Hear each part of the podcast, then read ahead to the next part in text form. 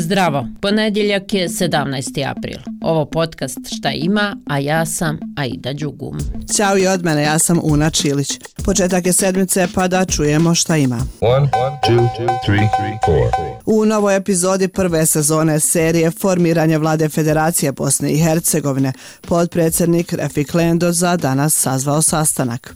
Pa mogle smo smisliti neki originalni naslov, ali uvod imamo, zaplet je u toku, ali raspletani na vidiku. Pa je baš tako.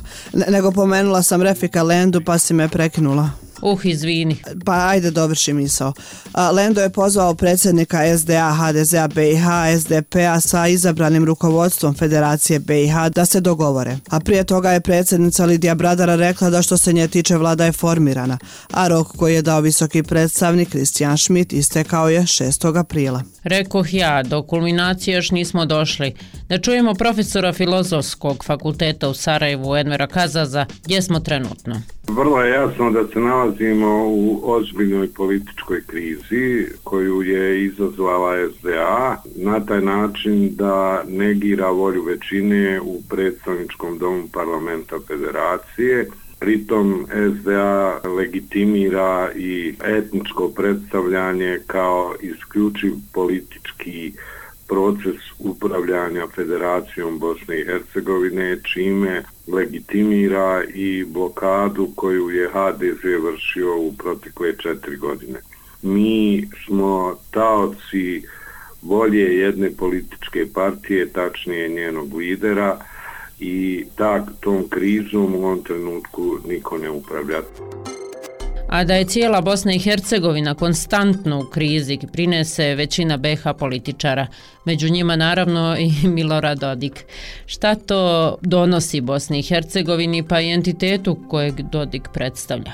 Kazaz odgovara. Jasno je da Dodikova dugoročna retorika jeste sadržana u tome da ideološki sačuva ideju Republike Srpske kao nacionalne države Srba za budućnost i u tom smislu valja gledati njegovu agresivnu retoriku. Osim toga, Dodik je ruski igrač i kao ruski igrač odgovara mu još jedno križno žarište u srcu, odnosno u trbuhu Evrope, tako da kažem, pa njegovu retoriku treba posmatrati u tom smislu, ali ona nije bezopasna, ona narušava imidž Bosne i Hercegovine i njenu stabilnost, u nestabilnu državu niko neće ulagati, to košta građane Pa, znaš li ti, Aida, da danas počinje Jom Hašoa, odnosno dan sjećanja na holokaust i heroizam, ali da te ne zbunjujem. 27. januara se obilježava Međunarodni dan sjećanja na holokaust kojim se podsjeća na sve žrtve, ali danas je Izraelski dan komemoracije za približno 6 miliona jevreja koji su stradali u holokaustu, ali i za židovski otpor u tom periodu.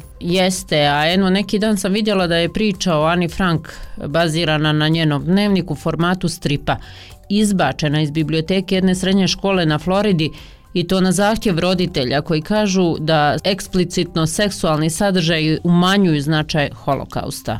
Jest, jest.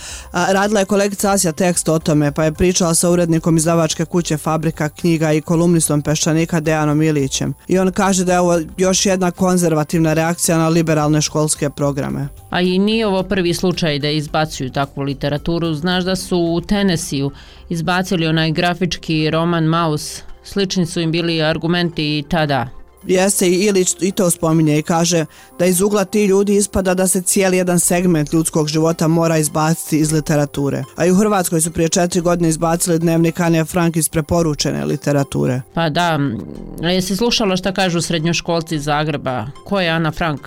Daj da čujemo. Evo može Jan Fabijanić koji pohađa treći razred srednje škole.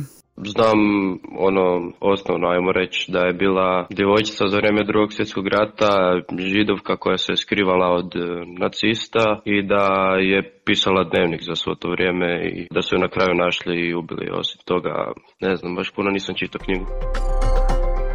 A bil se ti usudila i otišla sama na putovanje? Mm, da. Prvo mogu sve sama, iako je u društvu zabavnije, a drugo samo da putujem jer me mjesto ne drži. Pa evo, dobro da ti onda kažem. Postoji lista zemalja koje su sigurne za žene koje putuju same. A na listi su Slovenija, Ruanda, Ujedinjeni Arabski Emirati, Norveška i Japan. Ih, pa kako su ih tako već poredali, stvarno nisam znala. Prvi put čujem da i to ima aferim. Pa dobro, vjerovatno se žene generalno susreću s diskriminacijom, a i sigurnost nije na nekom nivou. Pa ja. A evo i svaki treći putnik radije putuje solo, a žene od 60 i više godina predvode trend. Ako nisi znala, ja nisam. E pa mi nećemo čekati 65-tu i ne moramo solirati, možemo zajedno putovati, ali ako nećeš mogu ja i sama. pa dobro, ajde možemo. A možemo se i ovdje pozdraviti za danas. Ćao. Ćao.